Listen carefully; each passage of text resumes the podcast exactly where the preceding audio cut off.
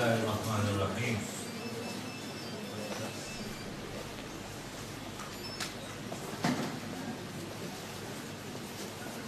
Değerli kardeşlerim, bugün Yasin suresinin 75. ayetinden itibaren okumaya devam edeceğiz. Artık surenin işte ikilik bölümü bitti diyelim.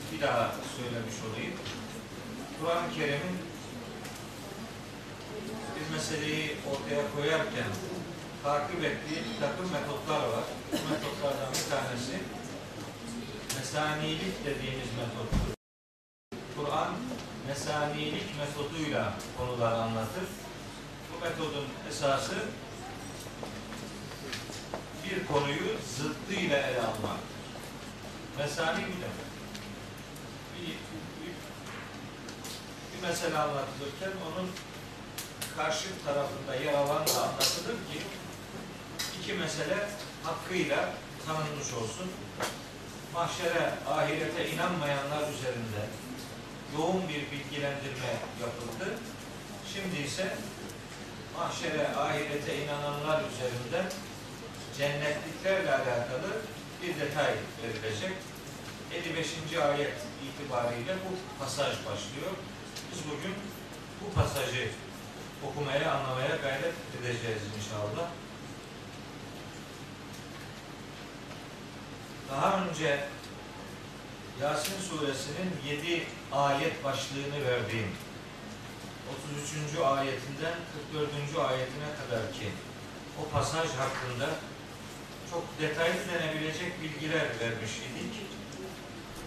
Cenab-ı Hakk'ın sunduğu sayısız nimetlere karşılık insanoğlunun nankörce bir tutum, bir tavır takılması akıbetin azapla şekillenmesine neden olmuştur.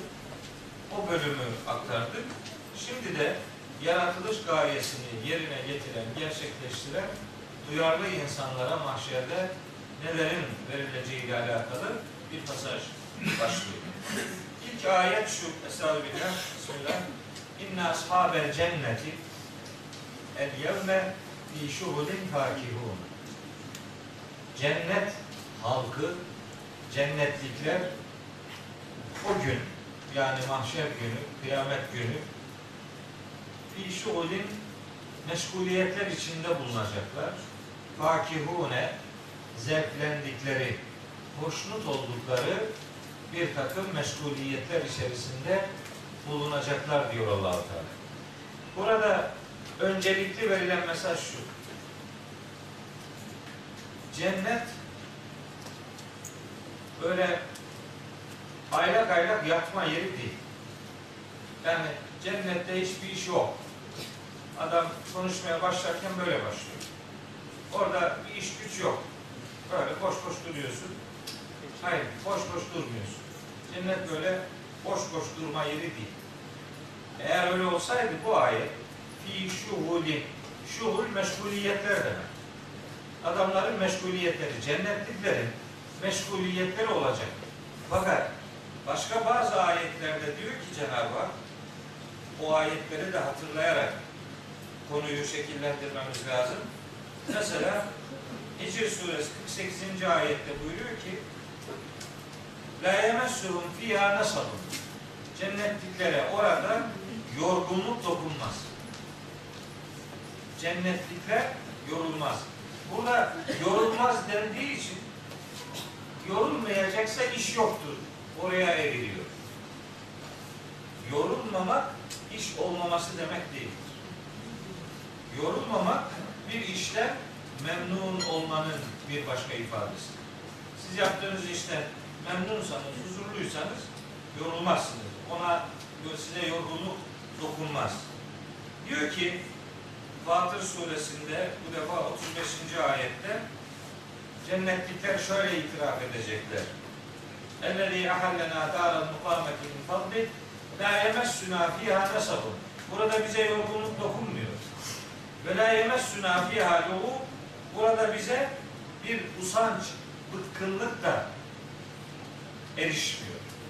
Biz usanmıyoruz, bıkmıyoruz. Demek ki bir meşguliyet var ama yorgunluk vermiyor. Yormayan bir meşguliyet cennette söz konusudur. Cennette hiçbir iş, hiçbir meşguliyet yok. Sözü doğru bir referans sahibi değildir. Gâşiye suresinde buna benzer bir ifade var. Orada da buyuruyor ki surenin 9 ve 10. ayetleri 10, 11, 12 öyle gidiyor. Gâşiye suresinde buyuruyor ki Yüce Allah Vücuhun yevmeydin naimetun O gün nimetler yüzüne nimetlerin yansıdığı bir takım simalar olacak. Nimetlenmiş yüzler olacak. Lisa'yiha radiyetun Bu adamlar işlerinden memnun olacaklar. Yani cennette cennetliklerin işleri var ve o iş cennetlikleri memnun eden bir iş. Cennette böyle boş boş aylak aylak yatmak yok. İş var fakat yorucu ve bıktırıcı değil. Bıkkınlık verici değil. Ha mesela ne yapacaklar? Ne yapacaklarıyla alakalı bir sürü şey söyleyebilirim. Cennetliklerin cennette ne yapacaklarıyla alakalı bir sürü ayet var.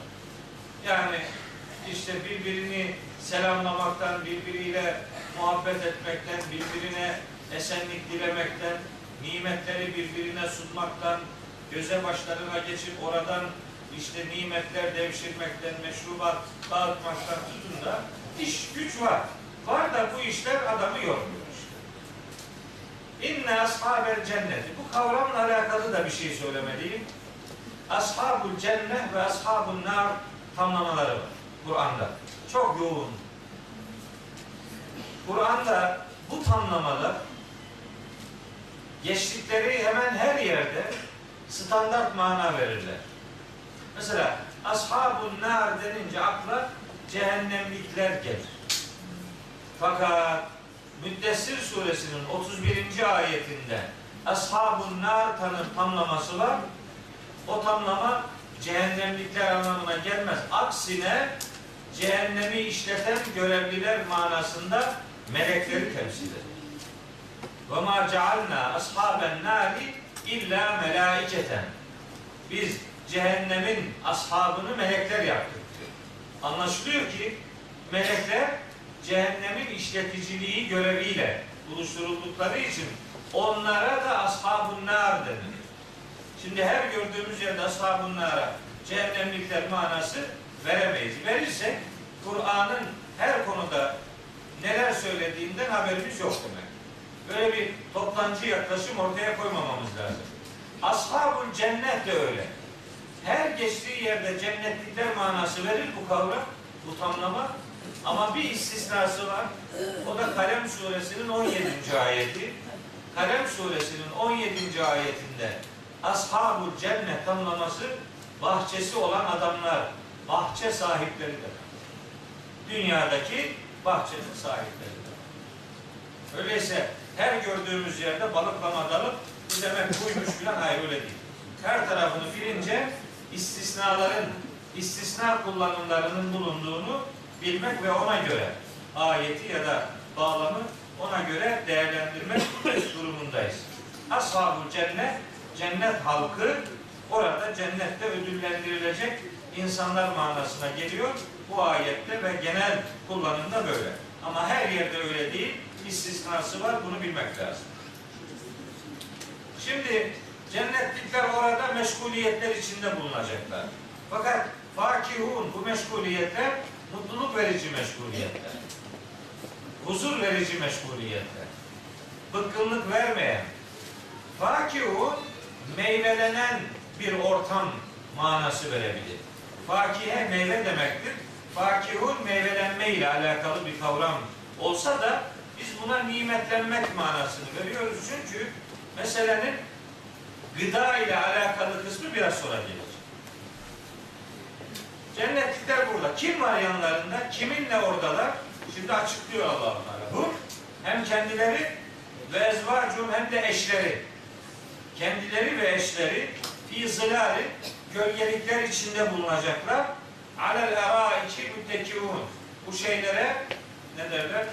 Ee, koltuklara, sedirlere, kanepelere yaslanmış olarak öyle rahat bir şekilde orada oturacaklar. Kim? Cennetlikler ve eşleri. Eşleri ifadesinden kasıt ne? Tabi bizim standart anlayışımız kendisi hanımı oluyor.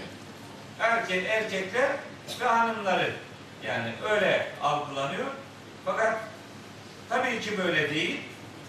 Çünkü buradaki ezvar kelimesi cinsiyet anlamında bir karşı cins manası vermez. Yani her erkeğin hanımı veya her hanımın eşi hanım cennette ise eşi de cennette olacak veya erkek eş cennette ise hanımı da cennette olacak. Böyle bir genel kural yok. Böyle bir şey yok. Öyleyse bu ayette sözü edilen eşler ifadesi çok net biliyoruz ki Vaka suresinde aynı ödülü hak eden insan grupları demektir. Ve kuntum ezvacen selaseten. Vaka suresinde 7. ayette öyle buyuruyor. Sizler kıyamet sabahı üç ana gruba ayrılacaksınız diyor. Üç grup. Ezvacen grup demek. Bu Yasin suresindeki 56. ayetteki eşler ifadesi de aynı ödülü hak eden insanlar demek. Bunun kadını da olur, erkeği de olur. Kişinin kendi eşi de olur mu? Tabi. Aynı ödülü hak etmişse tabii ki kendi eşi de olur. Hatta orada insanlar aileleriyle birlikte olacaklar. O onun ayetleri var Kur'an-ı Kerim'de.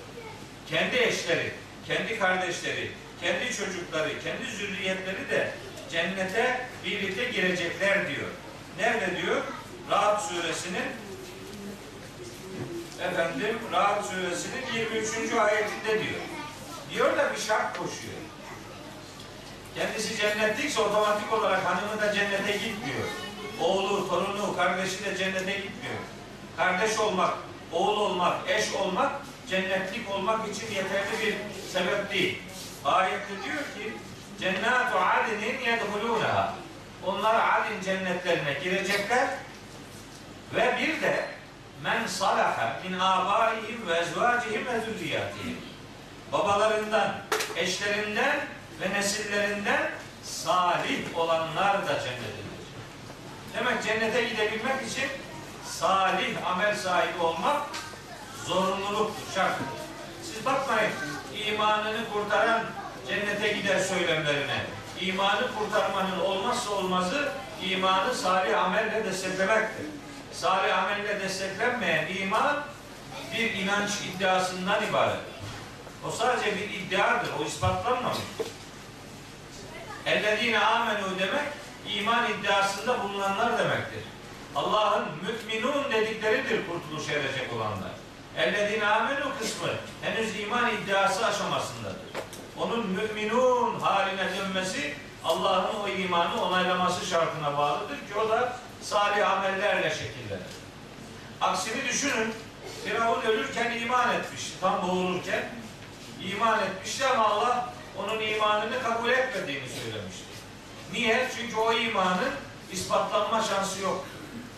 Olmak üzereyken inandım demek Allah'ın istediği bir iman itirafı değil. Oradan hareketle salih amel yoksa iman bir iddiadan ibaret kalır. İddiayı ispatlamak salih amellerle mümkün. Dolayısıyla kişinin kendisi, eşleri, işte babaları, çocukları filan onlarla cennete gidecekler ama bunlar salih amel sahibi iseler gidecekler. Tur suresinin 21. ayeti Mesela bunun bir delilidir. Vellezine amenu iman edenler ve tebeathum zürriyetuhum bi imanin. Zürriyetlerinden onlara imanla tabi olanlar. Onlar da cennete gidecek. Ama imanla tabi olursa tabi olmak demek imanı salih amele dönüştürmek demektir. Bir eylem ortaya koymak demektir. Eylem yoksa iman bir iddiadır. Oradan hareketle biz öbür alemde de elhakna bihim zürriyetehum. Biz onları kendi zürriyetleriyle buluşturacağız diyor. Hangi zürriyetler? İman ve salih amel sahibi zürriyetler. İman ve salih amel yoksa tek başına biyolojik bağ bir mana ifade etmiyor. Ben onun için derim ki kardeşliğin anlamlı olanı cennete uzanan, uzananıdır. Cennete uzanmayan kardeşlik biyolojiktir ve bu hayatla sınırlıdır. Biri ölünce bitti.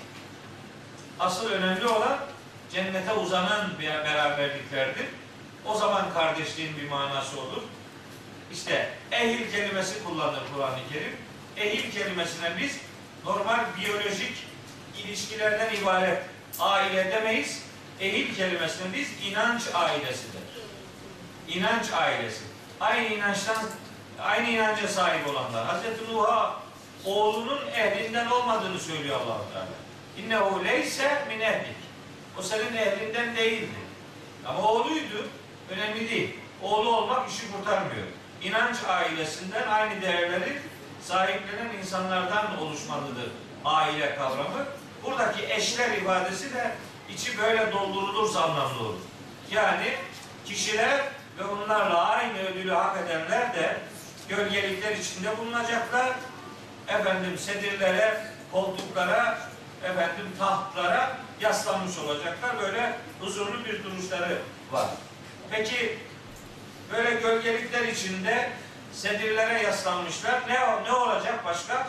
Lehum fiyâ fakiyetün. Onlar için orada her çeşitten meyveler olacak. Fakiyetün aslında tekil bir kelime. Bunun çoğulu fevaki kelimesidir. Fevaki olsaydı meyveler diyecektik. Ama fakiye dediği için meyveler diyemiyoruz. O o tekil ve nekre kullanıp her tür meyve manasını verir. Ve fiyafakiyetür. Onlar için cennetlerde her türden meyve vardır. Başka ve lehum ma. Daha ne istiyorlarsa o da vardır. Daha ne istiyorlarsa o da vardır. Ne isterler mesela adamlar orada? Neler isterler? Allahu Teala Kur'an'da çeşitli ayetlerde çeşitli menüler verir. Ben bunlardan bir çırpıda 100 tane ayet okuyabilirim. Menü sunan ayetler okuyabilirim. Vakıa suresini okuduğumuz zaten orada bir liste var. Muhammed suresinde bir liste var. Rahat suresinde var. Zuhruf suresinde var. Ee, Secde suresinde var. Zariyat suresinde var. Tur suresinde var. Rahman suresi zaten büyük çoğunlukla bunu anlatıyor. Anlatıyor. Menü bol. Her çeşitten her meyve var. Var da yine de adam diyor ki acaba şu da var mı bu da var mı? Ya kardeşim ne sayacağım ben sana? Şimdi oku Zuhruf suresi 71. ayeti bak orada var. Ve fiha mateştehi yani yediğin yemekler ve içtiğin meşrubatın kabına varıncaya kadar. İnsan suresinde o servis yapılan kapların malzemesini anlatıyor. İşte bunlar incidendir diyor. Kalın inciden, efendim yeşil incilerden, her türlü süslü eşyadan, altın, gümüş, kavarir diyor işte. Her tür incilerden malzemelerin içerisinde meşrubat, ne bileyim, e, taamat ne olsa var. Başka ne var diyor. Ve fiha orada var diyor Allahu Teala. Ma teştehi enfusu. Canlar neyi istiyorsa o var. Ve telezzül a'yunu gözler görmekten lezzet alacak ne istiyorlarsa o var. Neyi görmek istiyorsan o var. Neyi tatmak istiyorsan o var diyor. İnşallah gideriz. Gidince görürüz. Evet. Ve lehum ma. İşte ne istiyorlarsa o var. Mesela ne var? İşte o. Ne istiyorlarsa o varın bir açıklaması. Selamun kavle. Sözlü bir selam var. Sözlü bir selam. Kimde? Min Rabbin Rahim. rahmeti her şeyi kuşatmış olan Allah'tan gelen bir esenlik dileği olacak. Ödülün zirvesi budur. Allah'ın sana selam göndermesi nasıl? Bu ne kadar büyük bir ödül. Bu, bu böyle bir ödül varken ben onu da isterimi adamın aklına getirmesi akla ziyan değil mi? Adam başka şeyler söylüyor. Başka bir şey bekliyor yani. Diyor ki Allah'ın kendisi mi gelecek? Ya yapma gözünü seveyim. Öyle öyle demiyor işte yani. Rab'den gelen bir selam. Hani dünya üzerinde de peygamberlere yönelik o ifadeleri kullanıyor. Selamun ala İbrahim. Selamun ala Nuhin fil alemin. Selamun ala İlyasin. Selamun ala Musa ve Harun. Selamun alel murselin diye peygamberlere yönelik bir esenlik dileği var Allahu Teala'nın. O dilek, o esenlik ifadesi cennetliklere bir ödül olarak orada ihsan edilecektir. Bence, bence bundan daha büyük bir ödül düşünülemez. Bu, bu ödülün zirvesidir. İnşallah o, o sedayı, o dileği duyanlardan oluruz. Mühim olan odur. Oradaki başka ayrıntılarla kafa yormanın bir alemi yok. Sonu yok, sonucu yok. Birinin öbürünün kanaatine meseleyi indirgemenin de bir manası yok.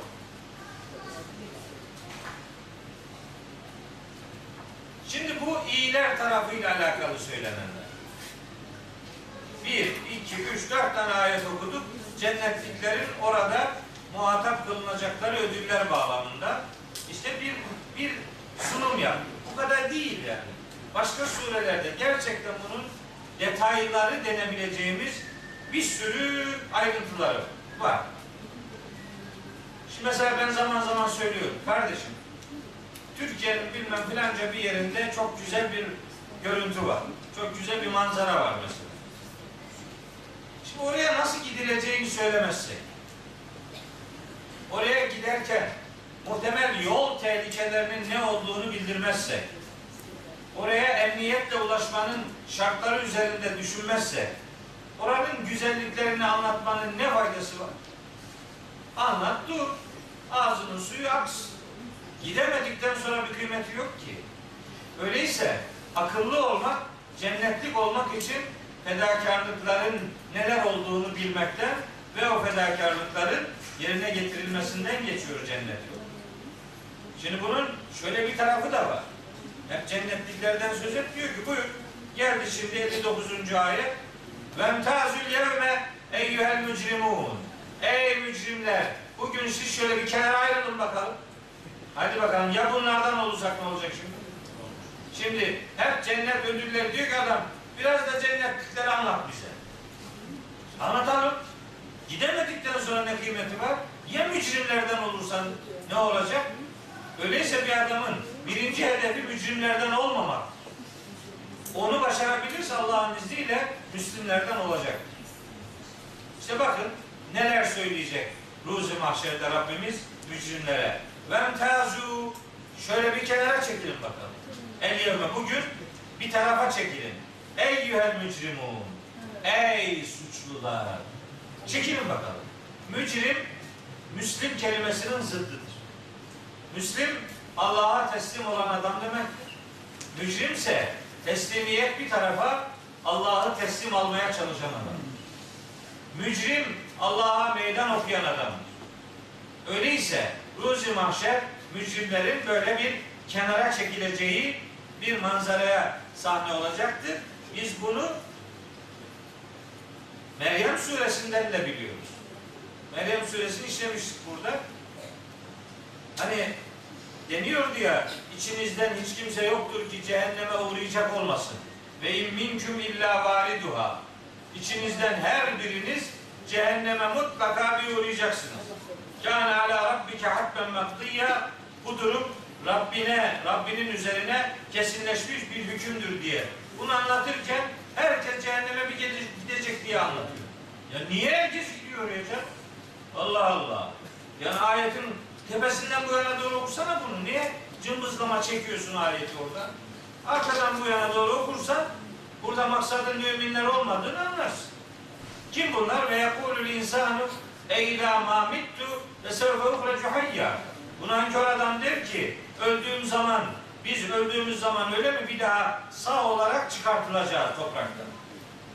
Yok canım bu akla, akla ziyan bir iştir derler.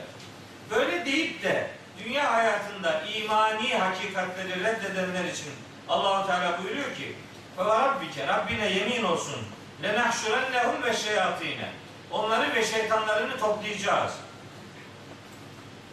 Sümme lenuhdarennehum havle cehenneme cisiyya onları ve şeytanları cehennemin civarında diz çökmüş olarak getirip tutacağız diyor. Sümme lenenzi'anne min külli şiatin eyyuhum eşeddu alel rahman etiyya. Rahman'a karşı işlerinden en azgın olanlar hangisi ise her gruptan onları böyle çekip kenara alacağız. Ayrıca onlara ayrı bir muamele uygulanacak. İşte onlar gibi Yasin'de de dikkat çekilen husus bu. Vemtazül yevme eyyühel mücrimun. Ey mücrimler bugün siz şöyle bir kenara çekilin bakalım diyecek ve onlara yönelik şu hatırlatmaları dillendirecek Cenab-ı Hak. Kendisi veya görevlendirdiği melekler. Sistem bunun içerisinde, bunun üzerinden yürüyecek. Diyecek ki Rabbimiz, Elem ahad ileyküm ya beni Adem'e. Ey Adem'in çocukları, ey Adem oğlu. Ben sizden şöyle söz almamış mıydım? Ben sizden şöyle söz almamış mıydım? Nasıl bir söz?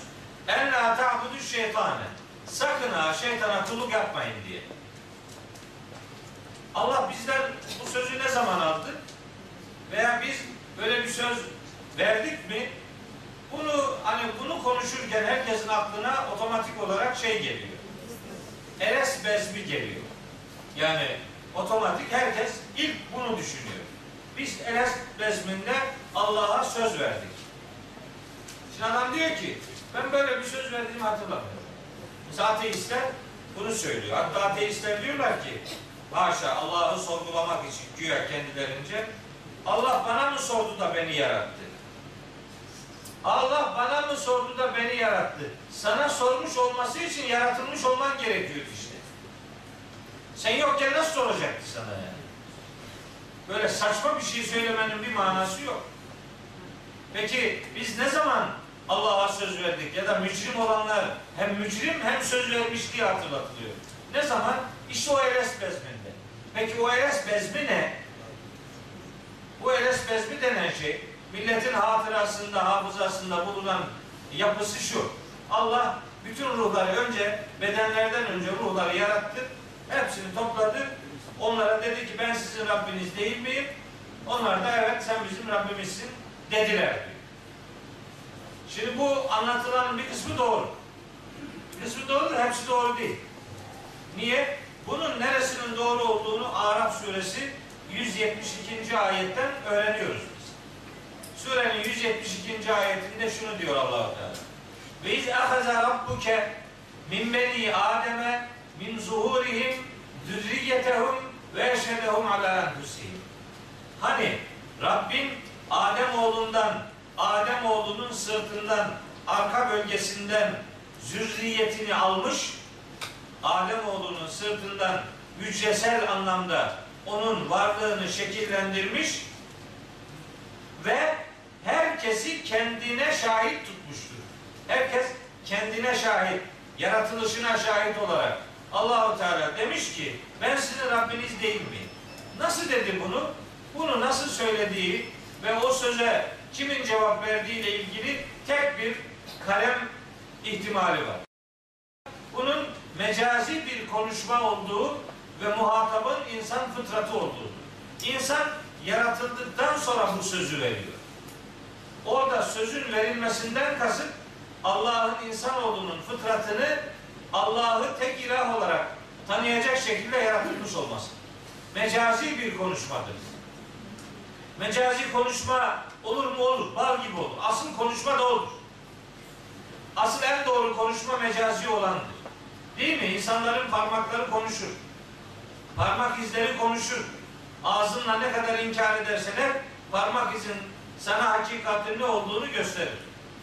Yani yüz mimikleri, yüzünün aldığı renk, gözünün bakış biçimi sözünün titrek veya net çıkışı bir konuda ne durumda olduğunu ortaya koyar. Tecrübeli yargıçlar adamın yüzüne bakarak halini anlar.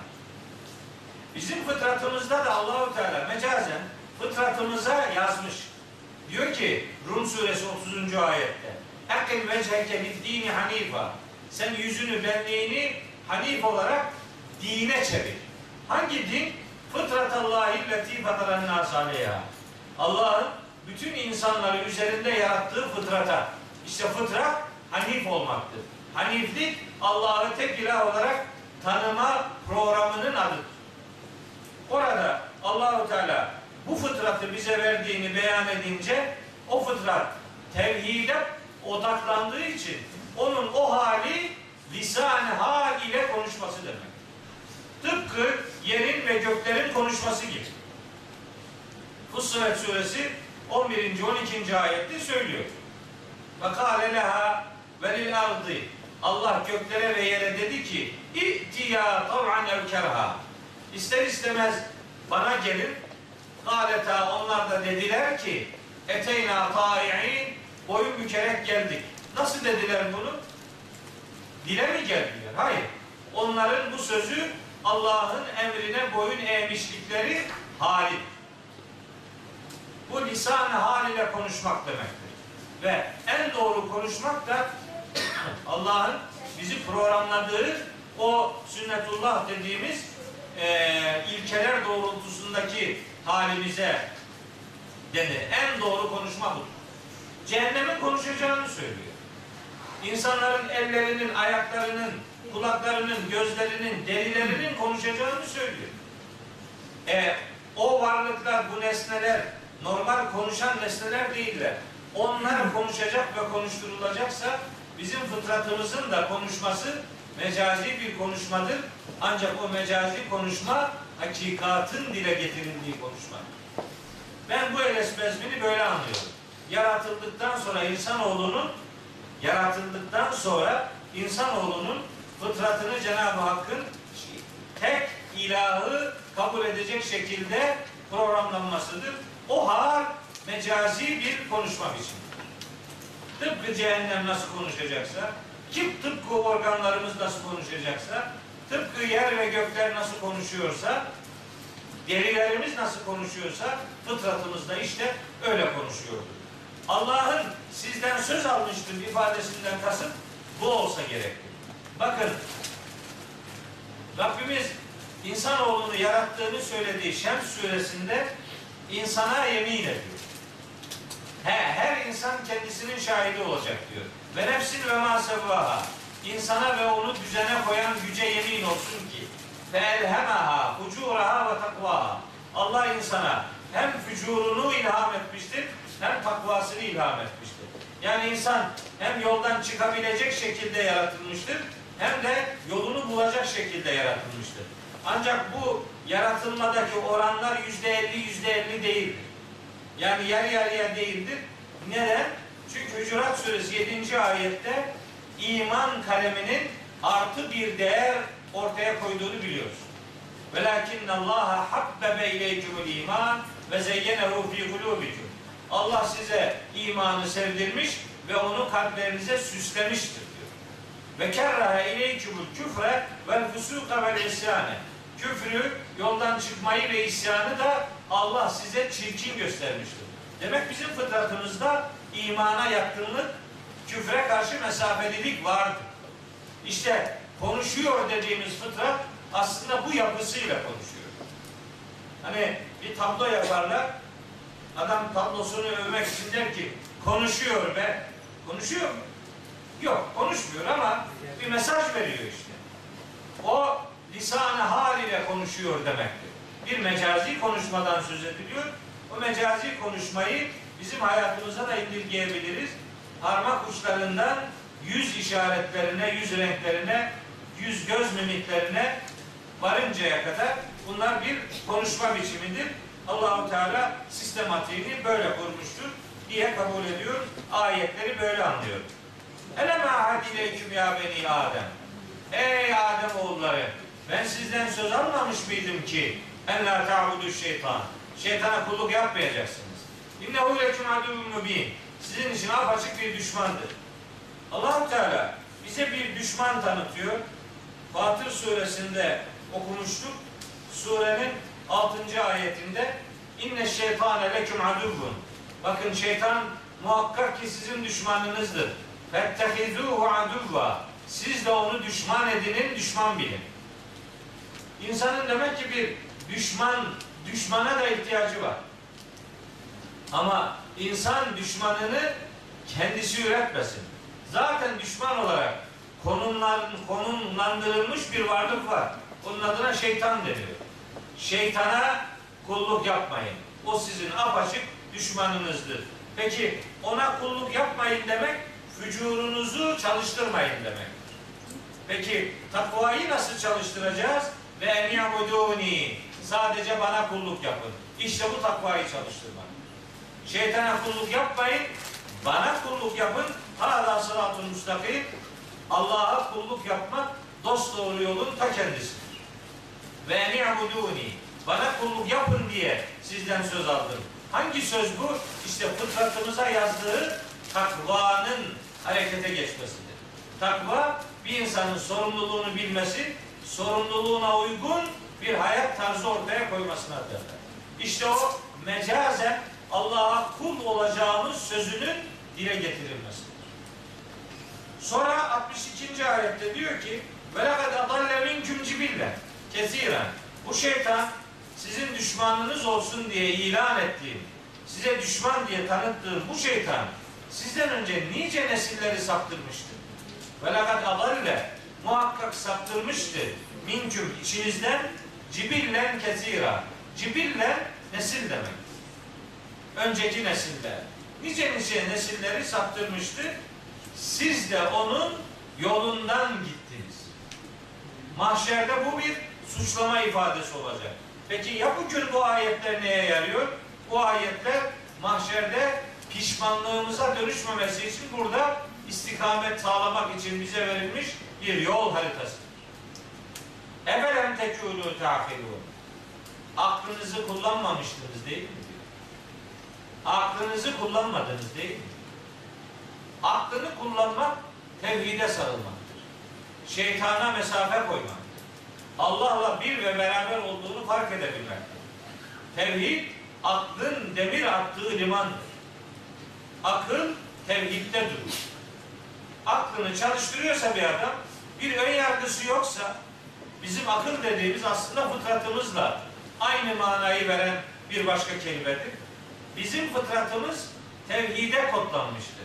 Aklını çalıştır demek fıtratına göre hareket et demektir.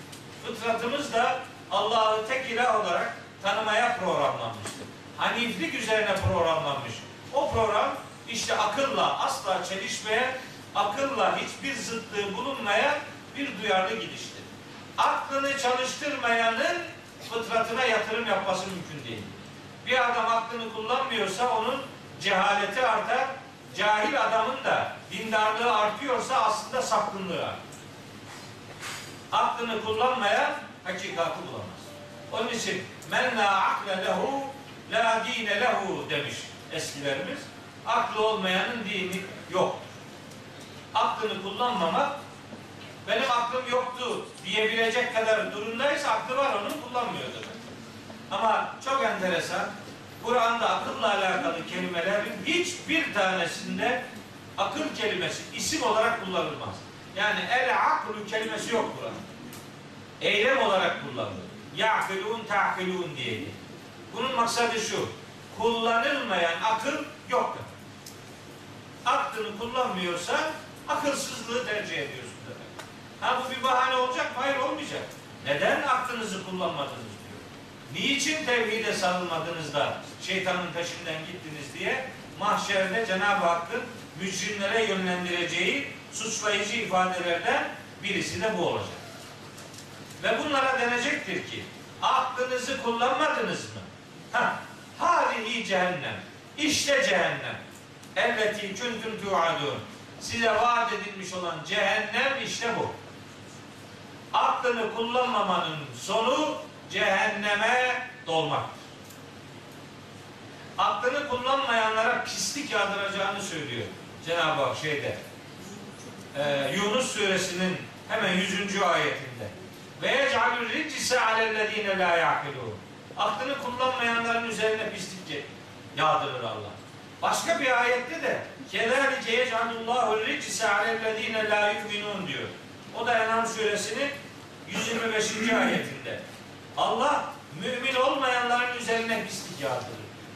Çünkü niye akıl, aklını kullanmayanla iman etmeyen niye aynı platformda zikrediliyor? Çünkü aynı şeydir.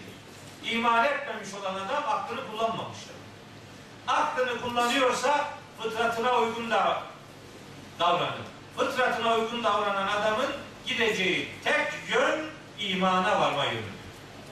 Aklını kullanmıyorsa iman etmez. Dolayısıyla iman etmeyenlere ve aklını kullanmayanlara Allah pislik yağdıracağını söylüyor. Nerede? Yunus 100, En'am 125. ayet. Açık. Mesela adam diyor ki bu din akıl dini değil. Ne dinidir peki? Akılsızlık dini. Biz akıllıyız da akılcı değiliz ya. Akılcılık diye bir derdimiz yok. Ama akıllılık diye bir özelliğimiz var. Aklımızı kullanacağız. Aklımızı kullanacak, hakikate ulaşacağız. Ona ulaşmak için Cenab-ı Hak bize dört tane nimet vermiş. Neymiş? Bir akıl, iki irade, üç kitap, dört peygamber. Bu dörtlüsünü bir araya getirdiğiniz zaman hakikati bulmamanız için hiçbir sebep yok. Ama bunlardan birini ihmal ederseniz, bunun birini ihmal ederseniz akıbet felaket olacaktır. Yapacak bir şey yok. Hâzihi cehennem. İşte cehennem. Ellezî küntüm tu'adûn. Size vaat edilmiş olan cehennem işte bu. Bu niye bunu söylüyor mahşerde? Çünkü geçen ders okumuştuk. Ve yekulûne metâ hâdel va'dû in kuntum sâdıkîn. 48. ayette hep alay etmişlerdi. Kur'an'da altı defa geçiyor. Ve yekulûne metâ hâdel va'dû in kuntum sâdıkîn. Alay ederek derlermiş ki eğer iddianızda samimi doğruysanız söyleyin bakalım o vaat ne zamanmış diye alay ederler. Heh, işte o alay edenlere cevap. Hadihi cehennem. İşte cehennem. Elleti kündüm tu'adun. Size vaat edilmiş olan cehennem işte bu. İslevha el yevme. Bugün oraya dolun bakalım. Niye? Bima küntüm tekfurun. Hakikatın üzerini örtmenizin karşılığı olarak. Kafir olmak hakikati örtmek demektir. Kafirler hangi hakikati örtmüşlerdi? Fıtrat hakikati örtmüşlerdi. Fıtratının üzerini açanlar aklını kullananlardı. Kafirlerse fıtratının üzerini örtenlerdir. Cehennem fıtratına rağmen fıtratının üzerini örtenlere vaat edilmiş bir azap, bir ikab yeridir. İslevha oraya dolun. El yevme bugün bima kuntum tekfurun. Küfür ehli olmanızın karşılığı olarak bugün oraya dolun. Fıtratınızı örttünüz, faturasını da ödeyeceksiniz. Diyecek. İşte bunlar Cenab-ı Hakk'ın sistematiğine dair verdiği bilgiler. Orada bunları söyleyeceğini ifade ediyor. Hatta bunları söylerken onlardan bir cevap da beklemiyor. Ne diyor? El yevme nehtimu ala. Biz onların ağızlarını mühürleyeceğiz. Ağzınız konuşmayacak. Ve tükellimuna eydihim. Elleri bize konuşacak. Bize onların elleri konuşacak. Ve teşhedü erculuhum ayakları şahitlik yapacak. Neye? Bima kânû yeksibûne. Dünyada ne kazanmışlarsa işte ona dair eller konuşacak, ayaklar şahitlik edecek. Efendim eller konuşur, ayaklar şahitlik eder mi? Eder. Nasıl eder? Bak şimdi nasıl ediyor. Nur suresi 24. ayet. Yevme teşhedü aleyhim. O gün insanların aleyhine şahitlik yapar. Elsinetüm dilleri ve eydihim elleri ve ercülühüm ayakları bima kânû ya'melûn. Yaptıklarıyla alakalı olarak diller, eller ve ayaklar şahitlik yapar. Ama şahitlik aleyhte şahitlik. Teşhedü aleyhim. Aleyhlerinde şahitlik yapacak. Başka? Başka? Deliler. İşte biraz önce söylemiştim. Şimdi ayetini doğrudan aktarayım. 20. ayet Fussilet suresi. Hatta idâ mâ câuha. Onlar mahşere geldiklerinde şehide aleyhim. Onların aleyhinde şahitlik yapacak. Şehide aleyhim. Aleyhlerinde şahitlik yapacak. Ne? Sem'uhum kulakları ve absaruhum gözleri ve culuduhum derileri şahitlik yapacak. Neye? Bir makânû ya'melûn yaptıklarına. Herkesin yaptığına her organı şahitlik edecek. Ve kâlû diyecekler ki ruhlar li culudihim şahitlik yapan derilerine diyecekler ki lime şehittum aleyna niye bizim aleyhimize şahitlik yapıyorsunuz ki? Cevap kalu diyecekler en takanallahu lezî en taka külle şeyin bir her şeyi konuşturan Allah bizde konuşturmuştur. Ve ve halakaküm evvele merretin sizi ilk defa yaratan da oydu ve ileyhi turcaun. Şimdi de ona döndürülüyorsunuz işte. Size size dünyadayken konuşma yeteneğini o vermedi? Onun verdiği yetenekle konuşuyordunuz. Şimdi o yeteneğini kaldırdı. Ağzı olmasına rağmen konuşamayanlar var. Canı olmadığı için konuşma imkanı bulunmayanlar var. Ağzım var, dilim var, damağım var konuşsana. Konuşamaz. Niye? Canı yok. Sistemi kuran Allah bugün bu alemde böyle konuşturur, o alemde başka türlü konuşturur. Neticede konuşturan oysa problem yok. Nasıl? Her bir türlü konuşturur. Zaten bir dahaki derste onun hallak olduğunu söylüyor Cenab-ı Hak. Kendisinin halik olduğunu değil, hallak olduğunu söylüyor. Hallak demek her türden yaratmayı bilen demek.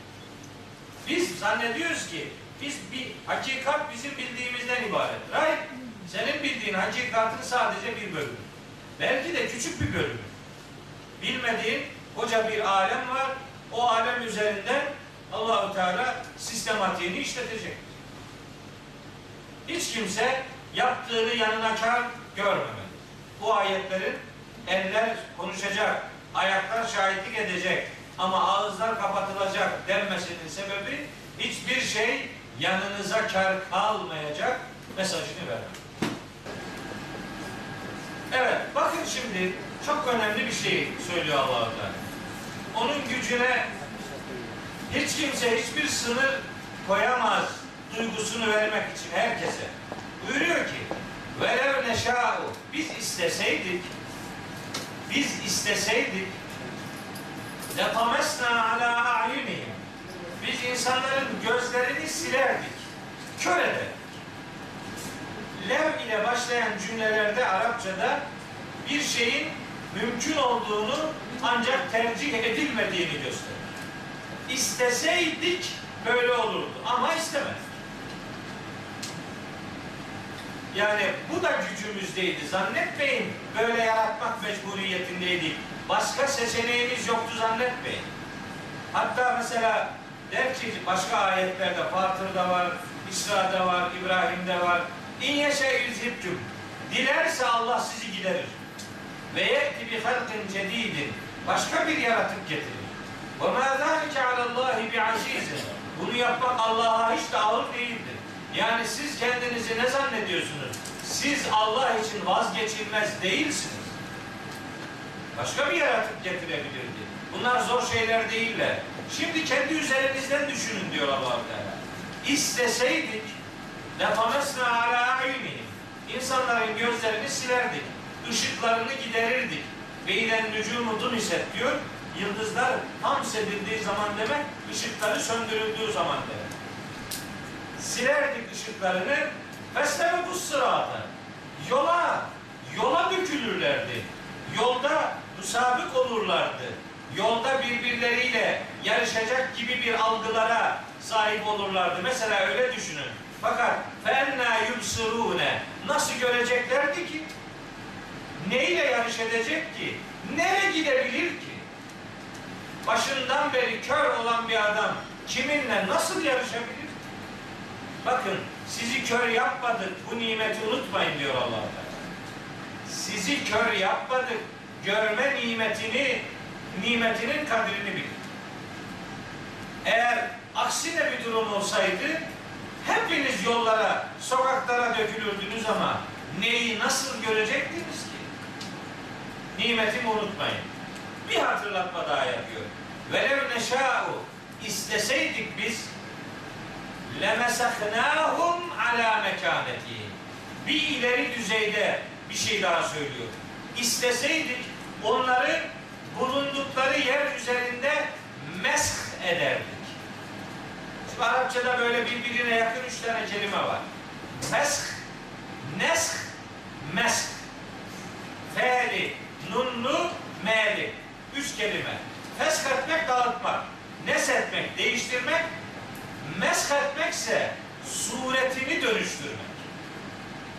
Yani biz isteseydik bunun insanların bulundukları yerde şekillerini değiştirirdik. Onları bulundukları yere çakardık diyor. Bulundukları yerde şekillerini değiştirir, bulundukları yere çakardık. فَمَسْتَطَاعُوا مُضِيًّا وَلَا يَرْجِعُونَ Artık ne bir adım ileri atabilirler, ne de o adımla geri dönebilirler. Hiçbir şey yapamazlar. Size imkan verdik. Hareket kab- kabiliyeti verdik. Bu kabiliyetin kıymetini bilin. Hakikate doğru yürüyün. Bunu size öğrettik. Ama kadrini bilmiyorsunuz. Tersine de yaratabilirdik sizi. Bulunduğunuz yere çakardık. Ne bir adım ileri gidebilir ne de oradan geri dönebilirdiniz. Ne zannediyorsunuz kendinizi yani? Böyle kendinizi böyle buldunuz da bu sizin maha- maharetiniz değil ki. Bu bizim tercihimiz sizi böyle yaratmak. Yani sürüngen de olabilirdi insanlar. Dört bacaklı da, kırk bacaklı da olabilirlerdi.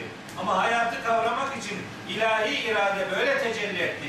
Bunun kıymetini bilin. Ama şimdi cümleye bakın. Harikalar ötesi bir cümle. Harikalar ötesi bir cümle.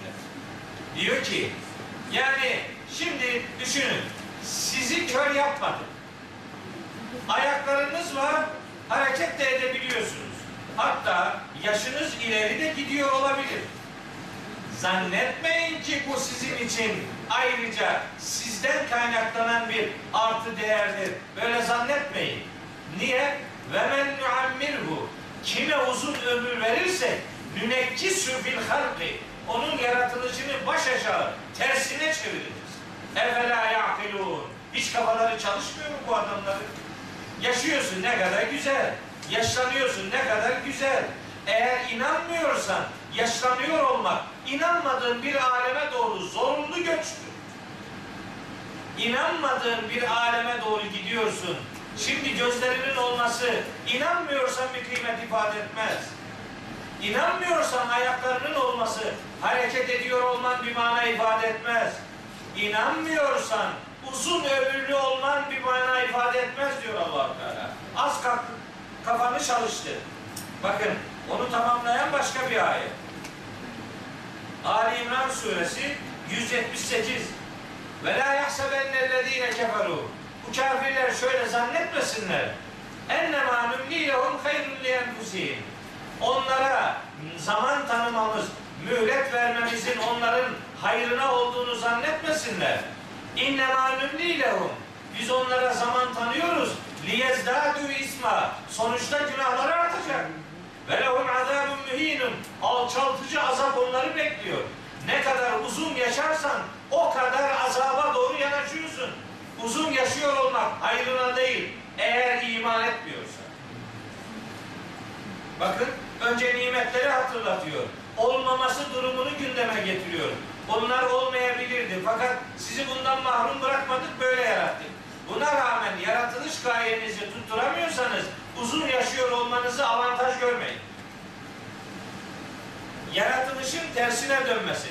Çocuk nasıl ki anneye babaya bir başkasına muhtaç ise yaşlılıkta da gitgide yaşlılıkta da bu kaçınılmaz olur. Yavaş yavaş muhakemeler ölür. Yavaş yavaş insanlar başkalarına muhtaç duruma gelir. Çocukken muhtaçlığı yaşlılıkta da muh- muhtaçlığa dönüşür. Bunu imanla taçlandırırsan kazanımdır.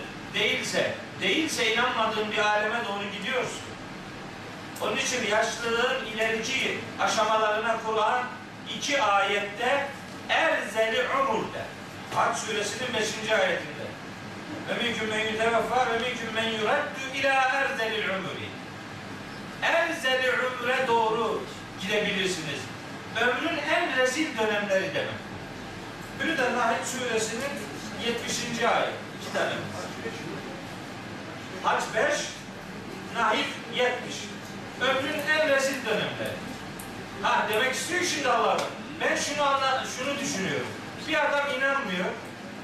Ölüme inanıyorsa da sonrasına inanmıyorsa bu ne büyük felaket ya. Yok olmaya doğru kendini programlıyor. En büyük felaket yok olmak. Ne demek? Yok olmaya insan kendisini nasıl programlayabilir? Yani kendisini böyle böyle böyle konuşlandırıyor vatandaş. Diyor ki işte yaşıyoruz işte. E öyle ama başka bir ayette diyor ki bak ve ömli lehum hem Araf suresi 182 olması lazım hem de Kalem suresinde buyuruyor ki Allahu Teala ve ömli lehum biz onlara zaman tanıyoruz ama inneki nimetinun benim tuzağım çok güçlüdür. Senestedricuhum min haythu la ya'lemun. Onları hiç bilemeyecekleri yerlerden yavaş yavaş azaba yaklaştırıyoruz. Farkında değiller. Uzun yaşamak bir avantaj değildir. İmana dönüşmüyorsa. İmana dönüşüyorsa Allah'ın izniyle her fırsat bir ibadet vesilesi. Eyvallah. İnkarcılar için, inkarla ölecek olanlar için uzun yaşamak bir avantaj asla değil. Yaratılış baş aşağıya dönüyor ve insanlar bu dönüşümü bir aklın konusu edinmiyor. Aslında burada başka bir mana daha var. Yani insan bedeninde bebeklik, çocukluk, yetişkinlik, işte orta yaş filan böyle dönüşümler var. İhtiyarlığa doğru gidiyor. Bu şu demektir. Bu hayatın da başka bir aşaması var. Ömrünün çeşitli aşamalar olduğu gibi bu dünya hayatının da başka bir aşaması ahiret hayatıdır. Ahirete imana doğru bir duygu vermeye gayret ediyor Cenab-ı Hak. Müşrik kafaya ya da kafir algıya yönelik. Evet. Yaratılış baş aşağıya çeviriyoruz. Aklını çalıştırmıyor bu adamlar. Ve şimdi bu aklını çalıştırmayanları ahirete dair, risalete dair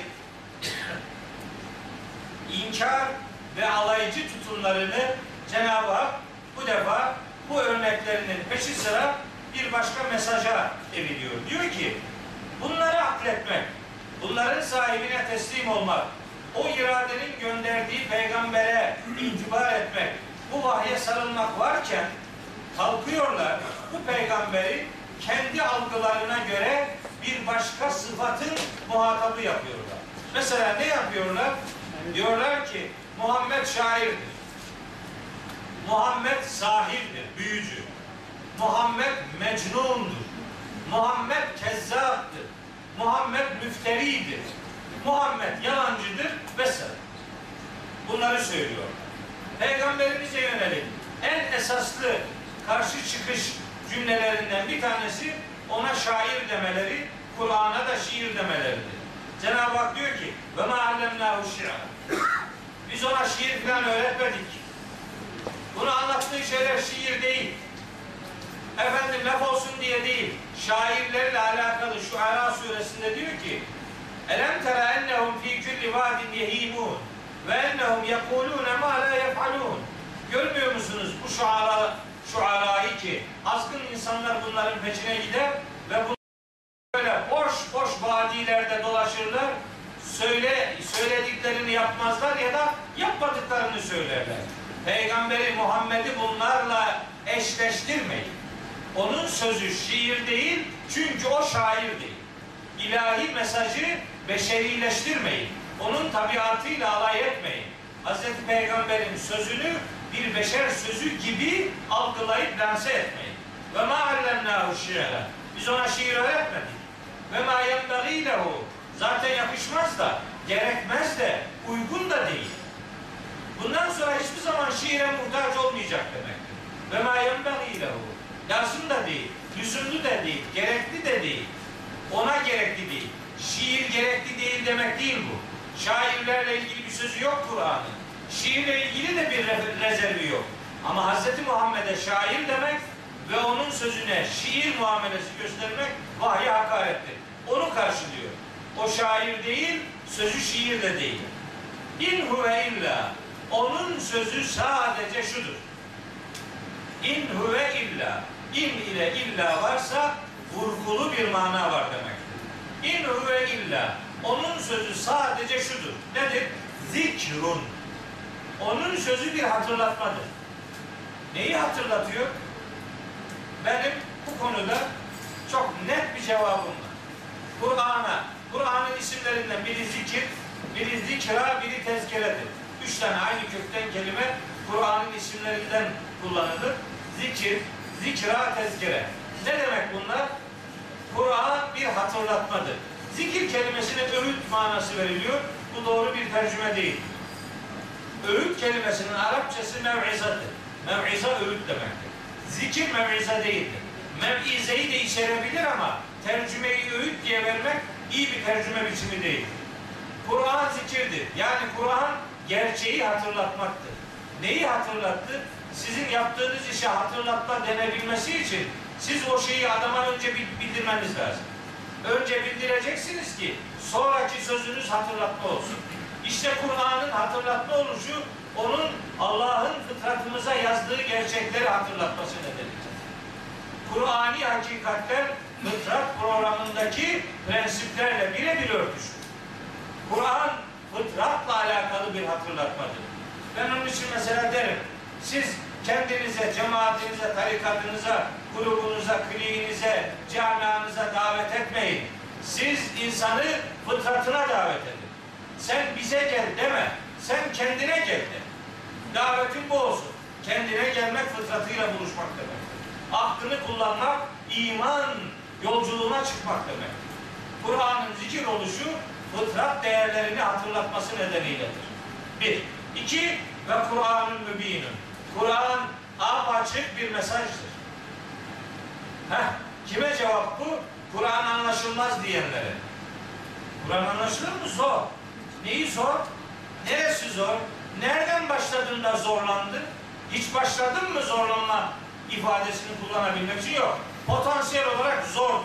İyi ama bak apaçık bir mesajdır diyor. Çok kolay bir kitaptır diyor. Kamer suresinde dört defa. 17, 22, 32, 40. ayetlerde. Meryem suresi 98. ayette.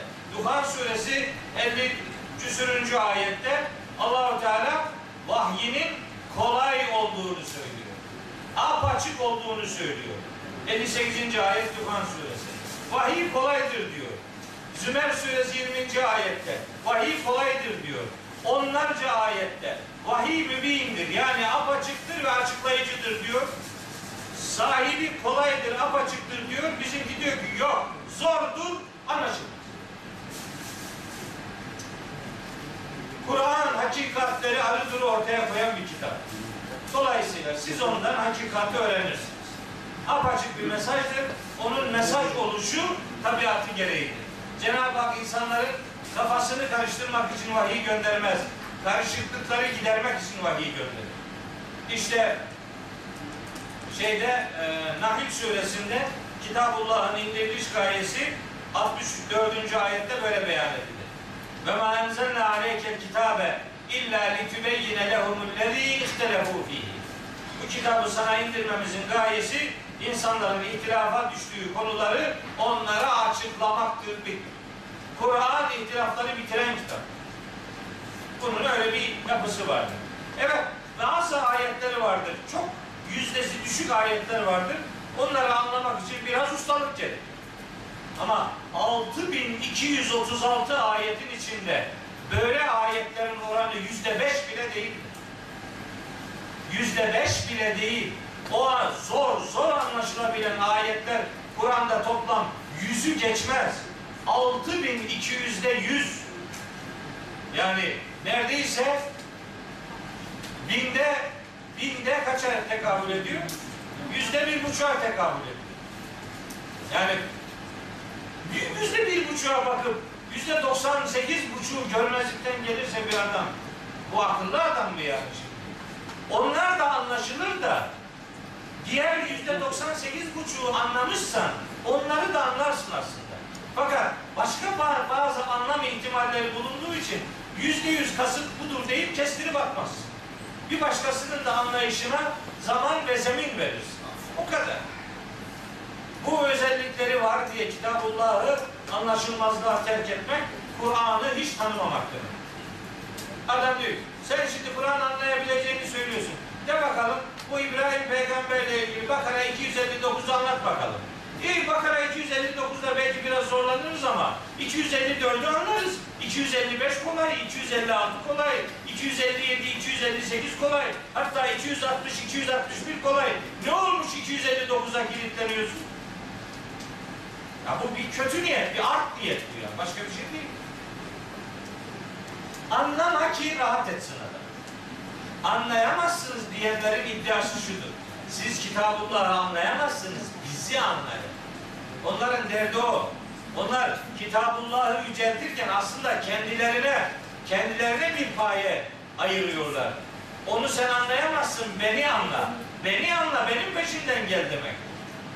Maksat Kur'an'ı yüceltmek değil, kendini yüceltmek. Böyle gidiyor. Ama bu Kur'ani bir referansa sahip görüş değildir. Peşinen peşinen bunu söyleyeyim. Peki Kitabullah'ın indiriliş gayesi nedir? İşte son cümle, bugünkü ders. Son cümle. Liyunze, indiriliş gayesini söylüyor. Sözün bittiği yerdeyiz. Felsefe yapmanın, o var ama şu da olabilir dememenin, artık hakikate, bütün kemalimizle teslim olmamız gerektiğini beyan eden son cümle. Vahyin indiriliş gayesi şudur. Liyundira men kâne hayyen. Hayatta olanları uyarmaktır. Başka. Başka bir şey yok. Başka söze hacet yok. Edebiyata gerek yok. Felsefeye gerek yok. Hikaye masala gerek yok. Efsaneye gerek yok. Hayatta olanlar uyarılacak. Veya hekkal alel kafirin. Bunun hakikatlerinin üzerini örtenlere de azap sözü gerçek olacak. Ben veya hekkal kavlu alel kafirini herkesin anladığı gibi anlamıyorum. İnkarcılara azap sözü gerçek olacak deyip İyok gibi açığa çıkanlardan değil. Ve hekkal kavlu alel kafirin. Hakikatı apaçık ortada olan bu kitabın prensiplerini örtenlere azap sözü gerçek olacak. Siz şimdi buradan bu Yasin'i nereye evirdiğimizi, Kur'an'ı nereye evirdiğimizi, bu çıplak gerçeğe rağmen hakikatı nasıl öldürdüğümüzü kendi zihninizde algılayın. Adam diyor, şimdi yani tamam öyle demek istiyorsun ama şöyle de demek değil mi? Değil. Bana başka bir şey söyleme. Ne diyeceksen Kur'an hayat kitabıdır üzerinden söyleyeceksin. Çünkü bunun delili var. Öbür senin dediğinin delili yok. O sadece bir tahmin. Bir dua bakalım tutar mı? Orayla değil. Burayla ilgilen. Burası seni burası seni tatmin etsin. Sonra sonra rotanı bulacaksın Allah'ın izniyle. Kitabullah'ın indiriliş gayesi hayatta olanları ve ruhen diri kalmak isteyenleri uyarmaktır mesela. Başka, başka sözün söyleyenine faturası ağır olabilir. Diyor ve bugünkü dersi 55. ayetten 70. ayete kadar yoğun bir hızla ve ağır bir ses tonuyla sizlere aktarmaya çalıştım. Bu vesileyle hepinize e, yeniden sağlık afiyet diliyorum. Bu sıcak ortamda yine burayı şenlik tuttunuz. Allah sizin de amellerinizi mahşerde şahitleriniz kılsın diyor. Allah'a emanet ediyorum.